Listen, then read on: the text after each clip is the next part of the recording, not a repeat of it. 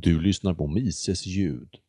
Idag artikeln Några tankar strax innan det kan bli förbjudna. Författaren Nicodemus Ung. Artikeln publicerades på mises.se 10 december 2021. Många trodde att det kalla kriget mellan Sovjetunionen och Förenta Staterna tog slut någon gång runt 1989-1990 då Sovjetsystemet kollapsade.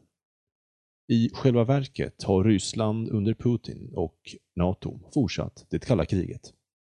Förenta Staternas intervention i Serbien, konflikten mellan Georgien och Sydossetien, Ukraina-krisen, konflikten mellan amerikanska och ryska intressen i Syrien och det som nu utspelar sig mellan Polen och gränsen mot Vitryssland visar att konfliktytorna finns kvar, om än att spelarna och spelreglerna delvis förändrats.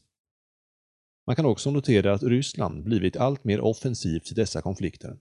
Inte bara i fråga om retorik, utan också utifrån inställningen till omvärlden. Detta är oroande i sig, men inte föremål för denna artikel. Vi står nämligen inför något långt mer allvarligt eftersom vi nu riskerar att hamna under en global tyranni. Tyranniet betyder i detta fall två saker. Dels att stater inte längre är förutsägbara i deras tvångsåtgärder och repression. Dels att informationsflödet regleras och således kunskapsöverföringen och människors kommunikation. I det första fallet handlar det om statliga ad hoc-strategier mot pandemin. Kraven på vaccinpass och begränsningar i mötesfriheten, rörelsefrihet och yttrandefriheten.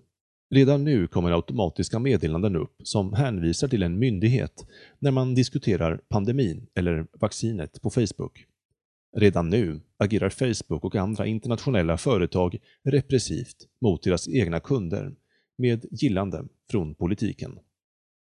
Det som står på spel är inte bara friheten på internet, utan det främsta värnet mot förlusten på frihet på andra områden. Friheten på internet är det viktigaste kommunikationsvapnet som håller auktoritärt och etatistiskt vanvett borta, eller åtminstone försvårar för dess tillämpning.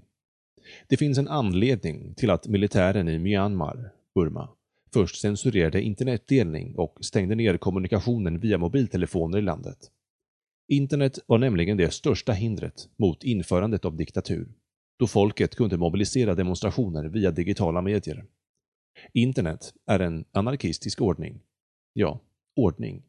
Som skapar en fri marknad för idéer och åsikter på samma sätt som en helt avreglerad ekonomi skulle skapa en direkt kommunikation och en optimal prissättning mellan kund och företag.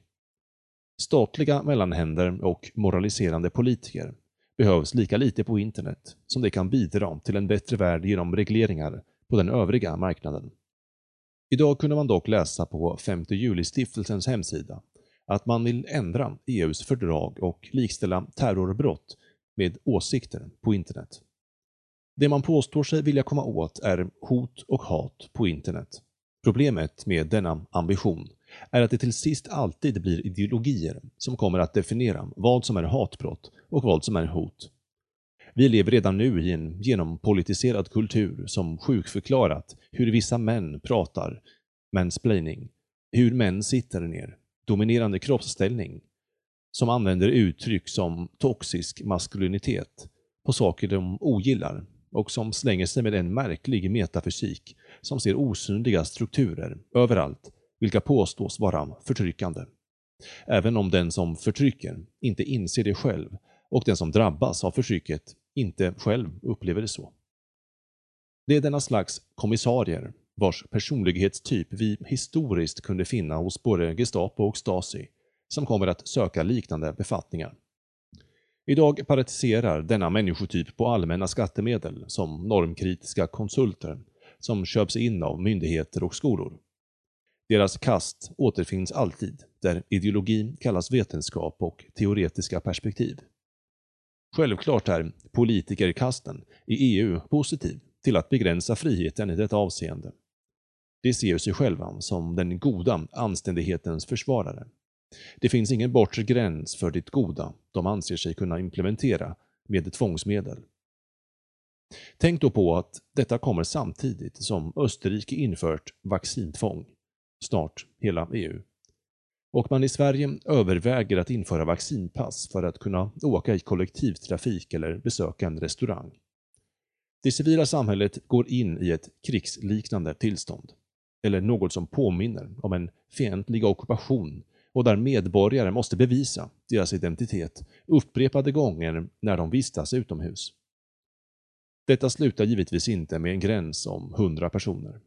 Snart kommer även krav på att du måste ha vaccinpass för att handla i matbutiken och besöka sjukhus.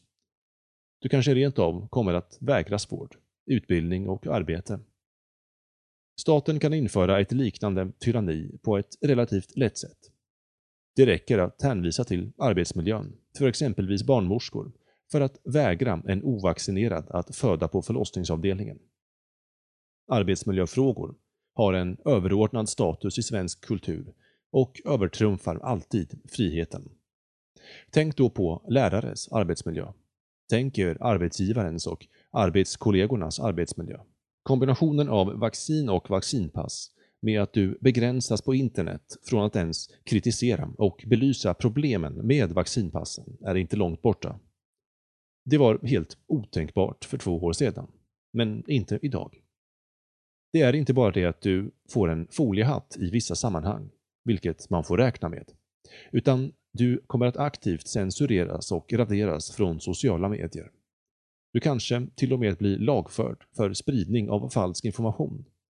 För i förlängningen handlar ju hat och hot också om vad någon ideolog tycker är gott och rätt. Så urholkas friheten steg för steg i namnet av den goda viljan och den goda arbetsmiljön. Problemet är att dagens politiker i gemen saknar ett metaperspektiv om frihetens förutsättningar och värde. Självklart är sanning och rätt något i sig eftersträvansvärt, men för att kunna leva i ett öppet samhälle måste man tolerera det man ogillar och avskyr. Insikten är nämligen att staten inte är rätt instans att avgöra vare sig vetenskaplig sanning eller vad som är bäst för den enskilde individen och dennes leverne, eftersom staten förenar vetenskap liksom ideologi med sitt tvångsmonopol. Vetenskap, liksom exempelvis normkritisk ideologi och identitetspolitik, blir tvingande, vilket hindrar vetenskaplig utveckling liksom nya normer att växa fram. Individer måste nämligen tolereras att tänka och handla fel i andras ögon. Det är inte bara viktigt för deras psykologiska utveckling, utan är också den grund på vilken samhället som helhet utvecklas.